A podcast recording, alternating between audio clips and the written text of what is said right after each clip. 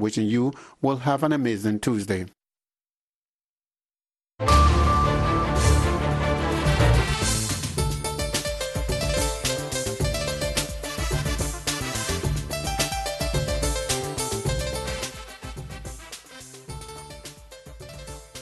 subax wanaagsan dhegaystayaal kuna soo dhowaada idaacadda subaxnimo ee laanta afka soomaaliga ee v o a oo idinkaga imanaysa magaalada washington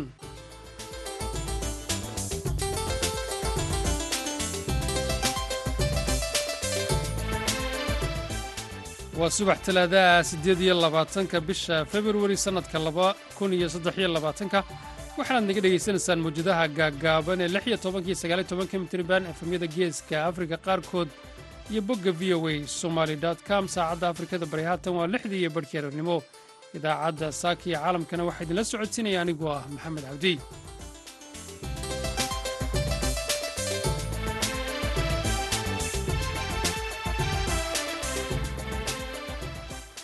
qodobada aad idaacaddayada saaka iyo caalamka ku maqli doontaanna waxaa ka mida mashruuc si bilaasha amaba lacag la'aana indhaha loogu fiiqayo ilaa iyo afar boqol oo qof oo ka bilowday magaalada boorama ee gobolka awdal ee somalilan waxay isbitaalkan maanta ka bilaabeen adal international hosbital jeexitaankii indhaha ee caadka iyagoo samayn doona ilaa laba boqol oo qofoo bukaana oo aragtidooda aada u liidato. Laba boqol oo kalena oo qofoo bukaana waxay ku jeexi doonaan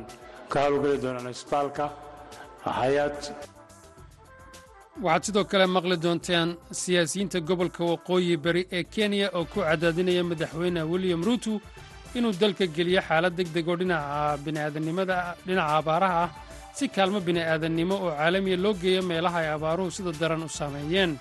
Midowda yurub oo iyo dowladda britain oo heshiis cusub ka gaadhay xadka waqooyi iyo jamhuuriyadda airelan qodobadaas iyo kuwo kale ayaannu idinku haynaa barnaamijkeenna saakiya caalamka hase yeeshee marka hore warkii dunida.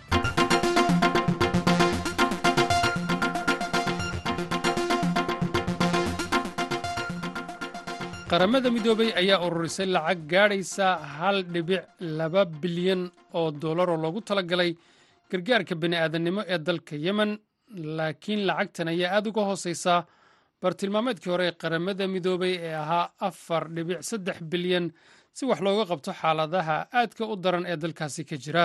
Xogeyaha arrimaha dibadda maraykanka antony blinken oo ka qaybgalay shir caalamiya oo ka dhacay magaalada geneef ayaa waxa uu ballan qaaday in maraykanka uu bixin doono milyan oo dollar oo taageero bini'aadanimo ah oo uu siinayo dalka yemen isaga oo ugu baaqay deeqbixiyaasha kale inay gacan u fidiyaan dalkaasi blinken ayaa sheegay in dhaqaale yaridii ku timid dalka yemen sannadkii hore ay ku khasabtay ku khasabtay hay'adaha qaramada midoobay inay yareeyaan shaqooyinkii ay dalkaasi ka hayeen. Blinken ayaa sheegay in maraykanku ugu deeqay dalka yemen ilaa shan dhibic afar bilyan oo dollar tan iyo markii ay colaaddu dalkaasi ka bilaabatay. Wasiirka arrimaha dibadda ee dalka masar ayaa la kulmay madaxweynaha suuriya bashaar al asad iyo wasiirka arrimaha dibadda ee turkiga kadib markii uu booqasho ku tegay dalka suuriya waa dalalka suuriya iyo turkiga. Taasi oo noqonaysa booqashadii ugu horreysay ee diblomaad sare ee dalka masar ka socda oo ku tago muddo toban sana. Ah bashaar al asad ayaa fursad taageeraha ka helay dalalka carabta tan iyo markii dhulgariirku ka dhacay dalkiisa suuriya iyo dalka dariska ah ee turkiga bishan februari taasoo gacan ka geysatay inuu yaraado go'doonkii diblomaasiyadeed dalka suuriya lagu soo rogay kadib markii ay dagaalada ay ka qarxeen dalkaasi sannadkii laba kun iyo koob iyo tobankii. Wasiirka arrimaha dibadda ee masar saamix shukri ayaa sheegay in ujeeddada ugu weyn ee safarkiisu ay tahay howlaha bini'aadanimada iyo in garab istaag loo muujiyo shacabka suuriya. Wasiirka arrimaha dibadda ee masar ayaa u sheegay telefishan laga leeyahay dalka masar in sidoo kale uu socdaalkiisu bidhaaminayo rabitaanka in dib loo hagaajiyo xidhiirka labada dal ee masar iyo suuriya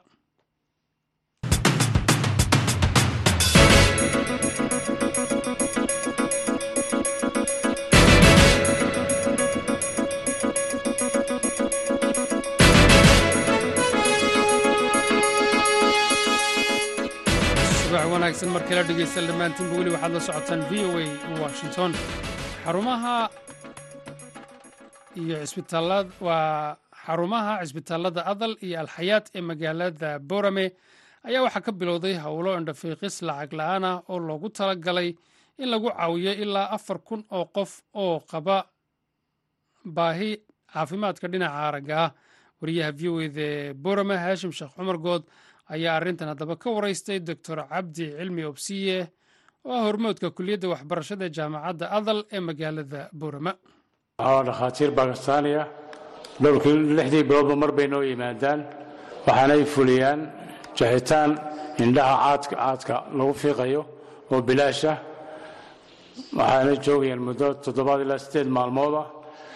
Waxa ay isbitaalkan maanta ka bilaabeen adal international hospital jaxitaankii indhaha ee caadka iyagoo samayn doona ilaa laba boqol oo qofoo bukaana oo aragtidooda aada u liidato. Laba boqol oo kalena oo qofoo bukaana waxay ku jeexi doonaan ka howlgeli doonaan isbitaalka xayaat hosbital oo isla booramo ku yaallo. Labadaas isbitaal bay maanta ku howlgeli doonaan. Dadkana maxay waan sii diyaarinay waxaana ka wada yimaadeen magaalooyinka fogfog iyo magaalada gudaheega way ka yimaadeen. Wadamada dariska ah etoobiya waa nooga yimaadeen. Ilaa jabuuti way ka yimaadeen. Dad badan baa ka faa'idaysan doona insha allah u baahan maogta aragtidooda in loo soo celiyo. Dhakhaatiirtaasi xanuunada qalliinka indhaha ee ay samaynayaan ma caadka oo keliya mise xanuunno kale oo indhaha ku dhacana waxbay ka qabanayaan? Waxay samaynayaan jeexitaanka caadka sameynaya intooda badan ay samaynayaan talooyinka kalena waa la siinaya wixii biyaha ku furmeen oo kale. Talooyin baa la siinayaa dawooyin baa loo qorayaa.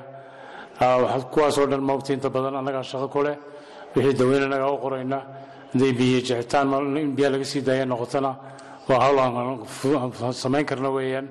Laakiin iyagu waxay samaynayaan inta badan caadka indhaha iyay jeexayaan. Dhakhaatiirtan markaa qalliinnadaa samaynaya yaa idinku caawiyey oo ka kaalmeeyey in ay qalliinkan sameeyaan. Idinkoo iskaashanaya jaamacaddiinna adal iyo cusbitaalka adal iyo cusbitaalka kale ee alxayaat waxaa maxaa sponsor gareeyey ama kharashka bixiyey? Xamuud foundation baa bixisay. Marka kharashkii markaysa noogu caawiyeen marka waxaan dalbanay markaa inay dhakhaatiirta bakistaaniinta noo yimaadaan oo maxaa dadkaasi ay u sameeyaan jeexitaan samafala. Kharashkan waxaa nagu caawiyey xamuud foundation baa nagu caawisay aan xiriir leenahay. Labada isbitaalba kharashkooga iyagaa bixinaya. Aad baan ugu mahad celinaynaa sida samafal kale ay dadkooga ugu adeegayaan. Sanadkii horena kharashka iyagaa bixiyey xamuud foundation baa naga bixisay. Dad badanna waa loo jeexay ilaa afar boqoloo qof. Ayaa doorkii hore sannadkii horena loo jeexay dadka ka faa'iidaysan doona fursaddan indhaha loogu qalayo ee caadka laga qalayo. Dad see isugu jiraan waxaa isugu jiraan dad aad u waaweyn inta badan caadka dadku waxa keena waa da-duunbaa inta badan keenta. Waxaa kaloo dhici karta caad ay ku yimaadaan dhaawacyada ku yimaadaan baa jira. Iyaguna waa badan yihiin ilaa labaatamiyo soddomiyo qof baanu ka helnay ilaa iminka. Waxaa kaloo jira carruur yaroo ku dhalatay caadka ilaa iminka waxaanu helaynay ilaa saddex qof afar qof oo carruur ah oo maxaa laba jira ilaa iyo afar jira iyo shan jira oo caadka ku soo dhashay.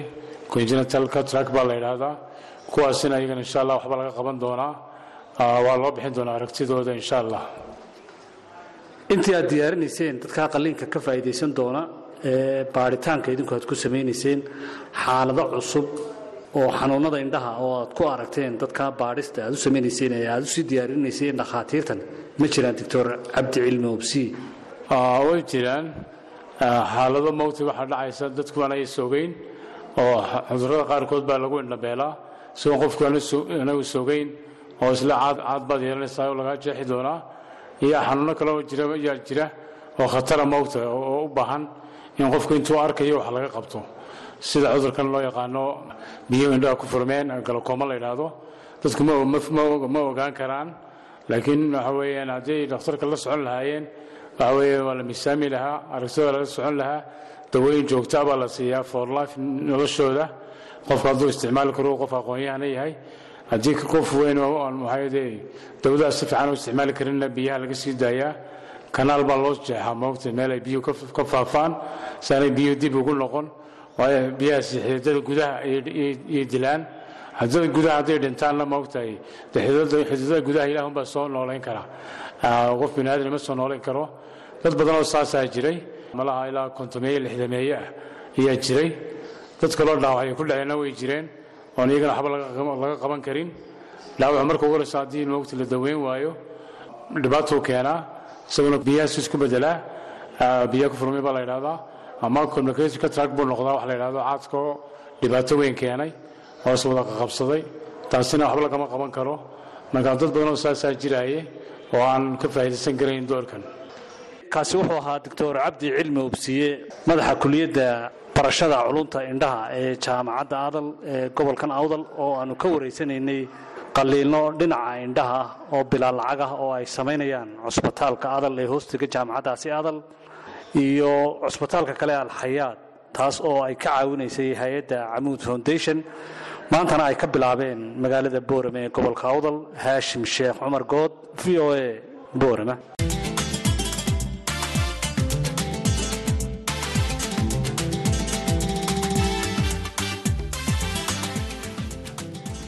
subax wanaagsan. Mar kale dhegeystayaal waxaad la socotaan v o a washington. Midowda yurub iyo dowladda britain ayaa xalay heshiis cusub ka gaadhay muran in muddaha soo socday oo ku qotoma ka bixistii uu ingiriisku ka baxay midowda yurub. Ra'iisul wasaaraha britain rishi sunak ayaa heshiiskan ku tilmaamay mid taariikhiya iyo horumar la taaban karo kaasoo ilaalinaya madax bannaanida dadka waqooyiga ireland oo qeyb ka ah boqortooyada britain. Heshiiskan cusub ayaa u muuqda mid midwaa waqooyiga ireland mid waqooyiga ireland ka qaadaya culaysyada soo wajahay wixii ka dambeeyey markii britain ay ka baxday midooda yurub. Haddaba wariyaha v o eda nuur xasan nuur oo jooga washington ayaa khadka telefoonka kula xiriiray maxamed nuur qalimow oo ka faallooda arrimaha yurub kuna sugan magaalada london. Qalimow waxa ugu horreyn sharxayaa waxa heshiiskani uu yahay runaanta heshiiskani waa mid muhiim ah oo muddo badan baa wadahadal looga jiray oo muddo afar bilood iyo wax la jira ayaa laysor fadhiyey wuxuuna ugu dambeeyey heshiiskii brexitka ee bixitaanka ee yurub ay ka baxday ingiriiska taasoo waxyaaba badan oo qabyo ah ay ka mid ahayd waqooyiga ireland iyo jamhuuriyadda ireland northern ireland iyo republic of ireland oo adduunyadahooda maadaama ay republic of ireland ay ka mid tahay european unionka ingiriiska in meesha keliya ee dhulka ah ee xuduud kala leeyihiin yurub ay meesha tahay isla markaasna uu ka sameeyey border isagoo control uu sameeyey.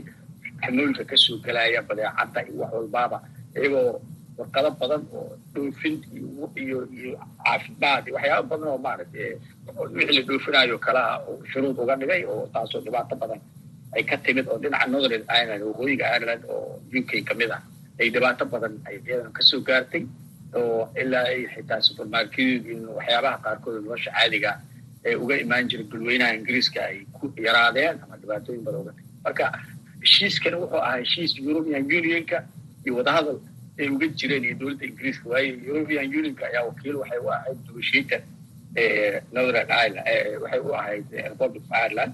Marka heshiiskana waa heshiis aad loo sugaayey si arrinta ugu dambaysa ee xuduudka loo fasaxo waxyaabaha u dhigayna waxaa ka mid a in la qaado dhammaan wax alla wixii restrictions ah oo sidii inay ahaato kala border laga daayo oo xamuulka caadi isku socdo ganacsiga isku socdo oo wax dambe oo maaragtay aan laisweydiinaynin sidii waagi hore inta ingiriiska unan ka bixin european union kale oo kale inay labada dhinac ay isu dhacfaan ingiriiska iyo dhinaca northern ireland iyo republic ireland waa garta. Marka qalimow dad badan ayaa ku wareersan heshiiskan maaragta gaar ahaan caqabadihiisii waqooyiga ireland iyo jamhuuriyadda ireland britain iyo midowda yurub. Marka arintaas bal noo fasir waqooyiga ireland iyo jamhuuriyadda ireland sababaha la isugu haystay iyo labada dhinac ay isugu haysteen. Runaantii waqooyiga ireland wuxuu ka mid yahay dadweynaha ingiriiska ee u k republic ireland waa dowlad gaar ah oo ka ah european unionka ama europeanka. Markii ingiriiska uu ka baxay european unionka ayaa waxay noqotay meesha keliya ee border noqon karta. Ilan bandu dhanka kale dowlado kale iska leeyihiin laakiin kuwaasi waaba natural border iska leeyihiin waa bad.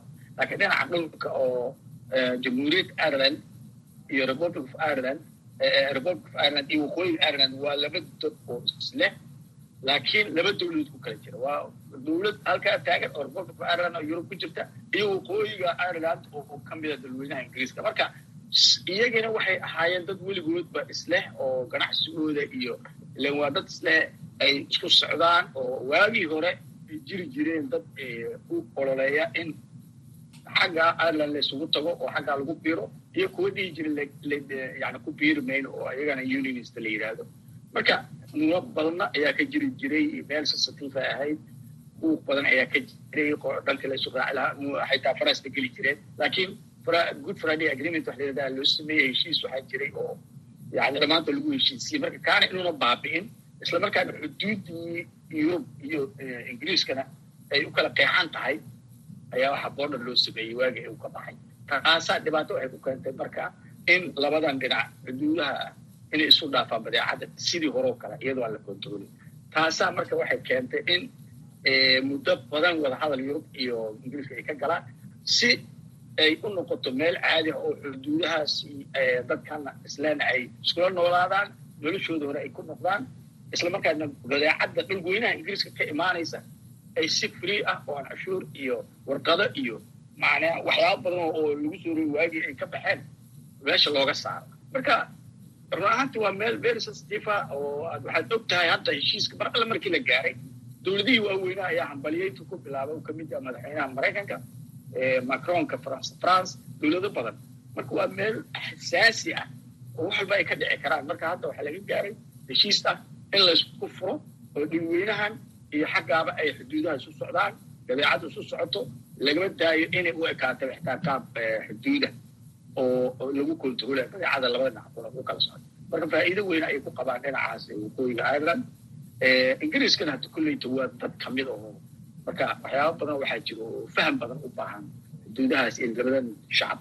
Marka taasoo caawa heshiis laga gaaray fiican oo ay u saxiixday madaxweynaha eurobianka gabadha la yidhahda vanderline iyo dhanka ingiriiska uu saxeexay prime ministerka sunak. Marka waa heshiis muhiima run ahaantii marka loo eego european unionka iyo dowladda ingiriiska waa caawa gaareen kaasi waa maxamed nuur kalimow oo ka faallooda arrimaha yurub kuna sugan magaalada london. Waxaa heshiis habeenkii xalay ahaa ay wada gaadheen. Waqooyiga waa dalka jamhuuriyadda ireland iyo dalka u k oo ka baxay midooda yurub. Uu uga warramayay wariyaha v o eda ee magaalada washington nuur xasan nuur bukhaari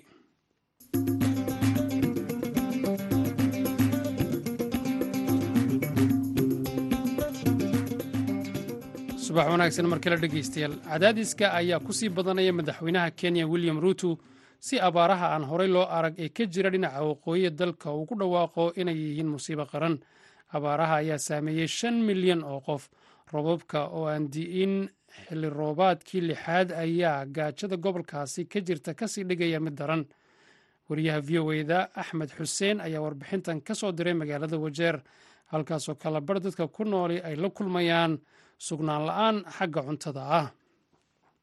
Dhibanayaasha ay abaaruhu aafeeyeen ee ku nool tuulada kilkiley ee kauntiga wajeer ayaa si quusi ku jirta u sugaya gargaar u yimaada. Kumanaan xoolodhaqataa oo duunyadii ay ka dhammaatay ayaa xerye ka samaystay waddooyinka hareerahooda si kaalmo ay uga helaan baabuurta meesha maraysa iyo hay'adaha gargaarka. Dadkaasi waxaa ka mid a ruqya axmed. Hadda saaka waxaas ilaahay noola maqaymo wax kaloo hadda aan qaadane oo malaha meehay jidadka maraan oo hay'adaha iyo waxaan ka warqabaan kaale iska codsada uun iska tagaana gashay. Dowladda kenya ayaa sheegtay in lix xilli roobaad oo baaqday ay burburiyeen malay xoolaha lada ah. Dad ka badan shan milyan oo reer kenyaan ah ay ka dhigeen kuwo u baahan gargaar bini'aadannimo kalabarh dadkaasi ay abaaruhu saameeyeen ayaa ku nool saddexda gobol ee uu ka kooban yahay gobolka waqooyi bari ee kenya kuwaasoo kale ah gaarisa wajeer iyo mandheera hogaamiyaasha gobolka ayaa madaxweynaha dalka ku booriyey inuu ku dhawaaqo musiibo qaran waxayse sheegeen in codsigoodii aan la maqlin. Cabaas sheekh waa senatar ka soo jeeda kauntiga wajeer isagoo v o eda la hadlaya ayaa waxa uu yidhi.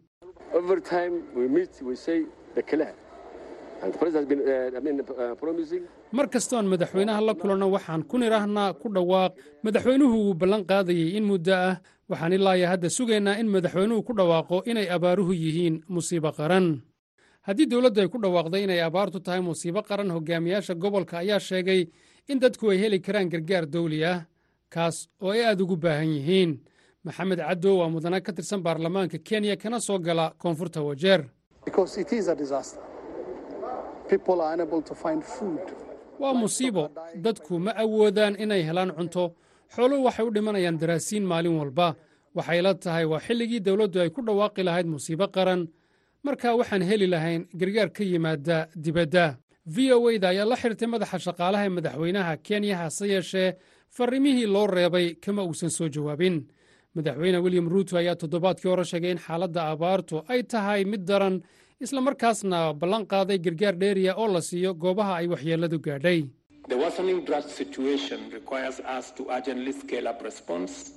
xaaladda sii xumaanaysa ee abaartu waxay nooga baahan tahay in gargaarkii aan sii labalaabno gaar ahaan si looga baaqsado dhibaato daran. Madaxweyne ruuto ayaa sheegay in dowladdu abaaraha ku bixisay lacag dhan laba boqol iyo konton milyan oo dollar. Dhinaca xeryaha qaxootiga waxaa soo gaadhay waxoogaa kaalmo ah. Hay'adda laanqayrta cas ee kenya ayaa cunto qaybisay hase yeeshee. Dhowr qoys oo keliya ayay cuntadaasi gaartay. Dhinaca kale dhibanayaasha sida ruqye axmed wax badan ma hayaan marka laga reebo rajada ah in raashin gargaar ahi u dhowaan soo gaadhi doono.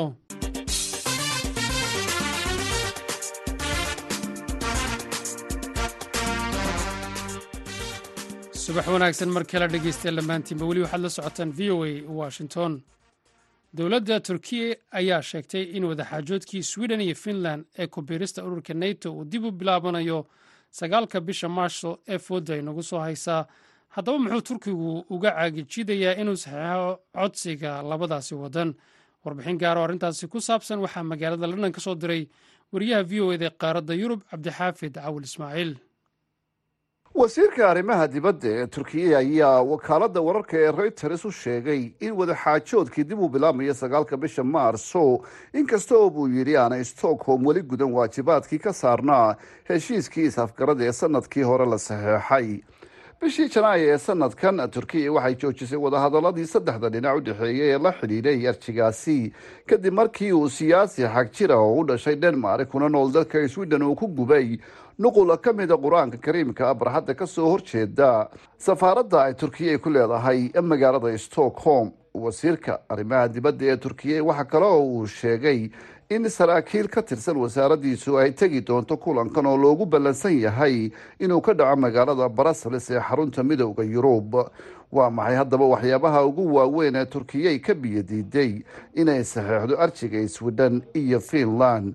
Su'aashaasi ayaa weydiiyey maxamed cawad maxamed oo ah falanqeeyo degan magaalada gothenburg ee dalka sweden cabdixaafid waxyaabaha ugu waaweyn oo turkigu sweden ku xidhay waxay tahay inay sweden u soo gacan geliso madax sarsare oo ka tirsan jabhadaha kurdiyiinta suuriya iyo turki kuwaasi oo markaasi sweden degan qaarkoodna ay muddo fara badan deganaayeen oo ayba haystaanba dhalashada dalkan sweden.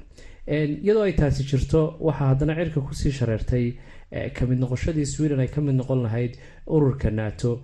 Kadib markii dhowaan kitaabka qur'aanka kariimka ah lagu horgubay safaaradda dalka turkiga uu ku leeyahay sweden taasi oo cadho weyn ka dhalisay dunida islaamka iyo weliba dalka turkigaba waxaa sidoo kale xusud mudan in kooxaha kurdiyiinta ee degan sweden ay banaanbaxyo ballaaran ka sameeyeen waddooyinka waaweyn ee caasimada sweden ee stockholm kuwaasi oo markaasi sitay calamaanta ururadaasi loo aqoonsan yahay argixisada ee kurdiyiinta ka dagaalanta suuriya iyo turkiga.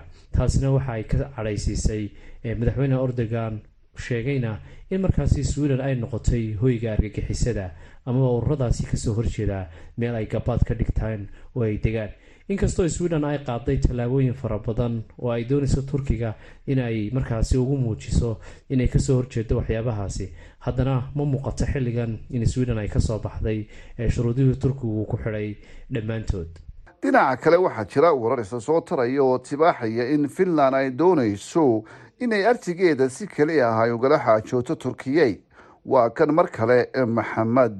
Cabdixaafid huseen la wada soconay bishii may ee sannadkii hore ayay hal mar codsigooda wada gudbiyeen sweden iyo finland inay ka mid noqdaan markaasi ururka nato. Balse waxaa muuqatay in turkigu hor istaagay codsigaasi isagoona ujeedka ugu weyn u hor istaagay ahayd in sweden markaasi uu shuruudo badan ku xidhay. Finland markasta waxay jeclayd ama labada dal iyagoo waxay doonayeen iyagoo oo wada jira in nato ay uga mid noqdaan maadaama ay yihiin laba dal oo taariikh dheer wadaaga islamarkaana xidhiir fiican leh.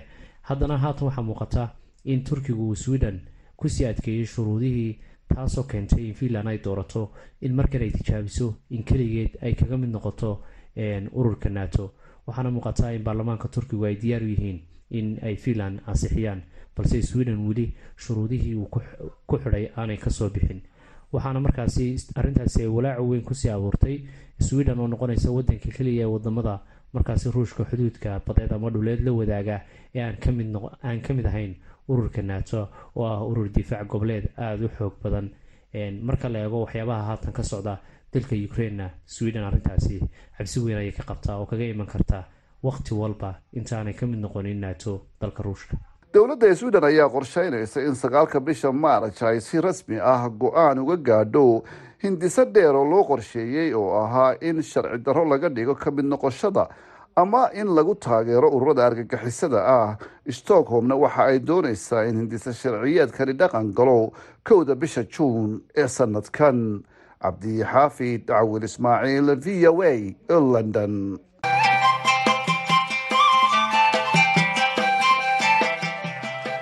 waayahay dhegaystayaal. Ku sii dhownahay gebagabadayey idaacaddayada saaka iyo caalamka markan aan idiin soo qabta mid ka mid a heesaha aanu saaka idinku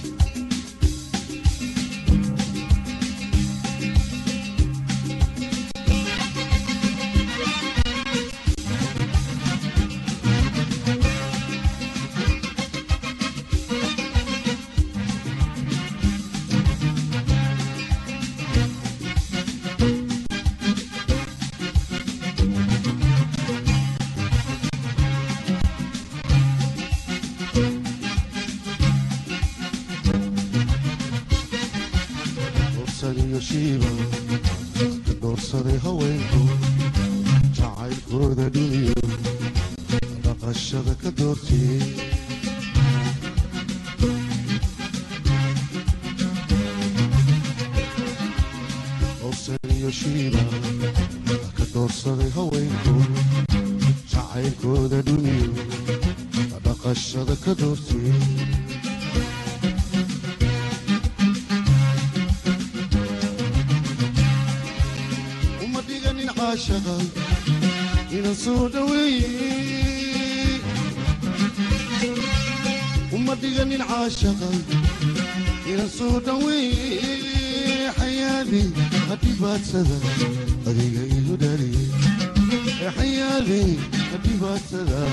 adiga igu dhaliye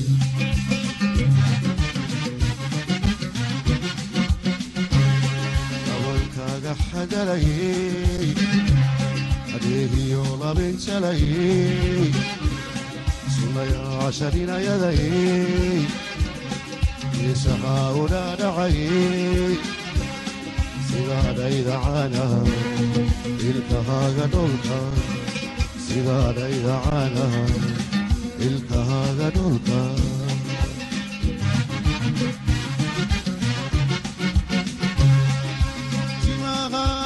dhiri heestaasi xayaad iyo fanaanka xasan aadan samatar ayaannu dhegaystayaal idinkaga tegaynaa inta haddii la idhahdo idaacadahayga soo socdaanna. Mar kale dib ugu kulmi doono anigoo ah maxamed cabdi bashiir abikar cabdulaahi iyo dhammaan saaxiibada v o idinka tegaya sidaas iyo subax wanaagsan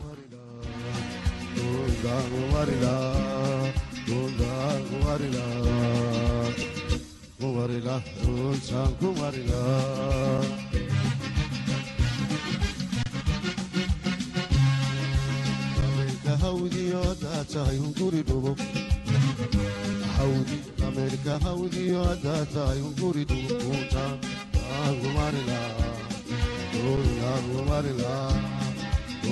aangumarila kumarila dhuunta angumarila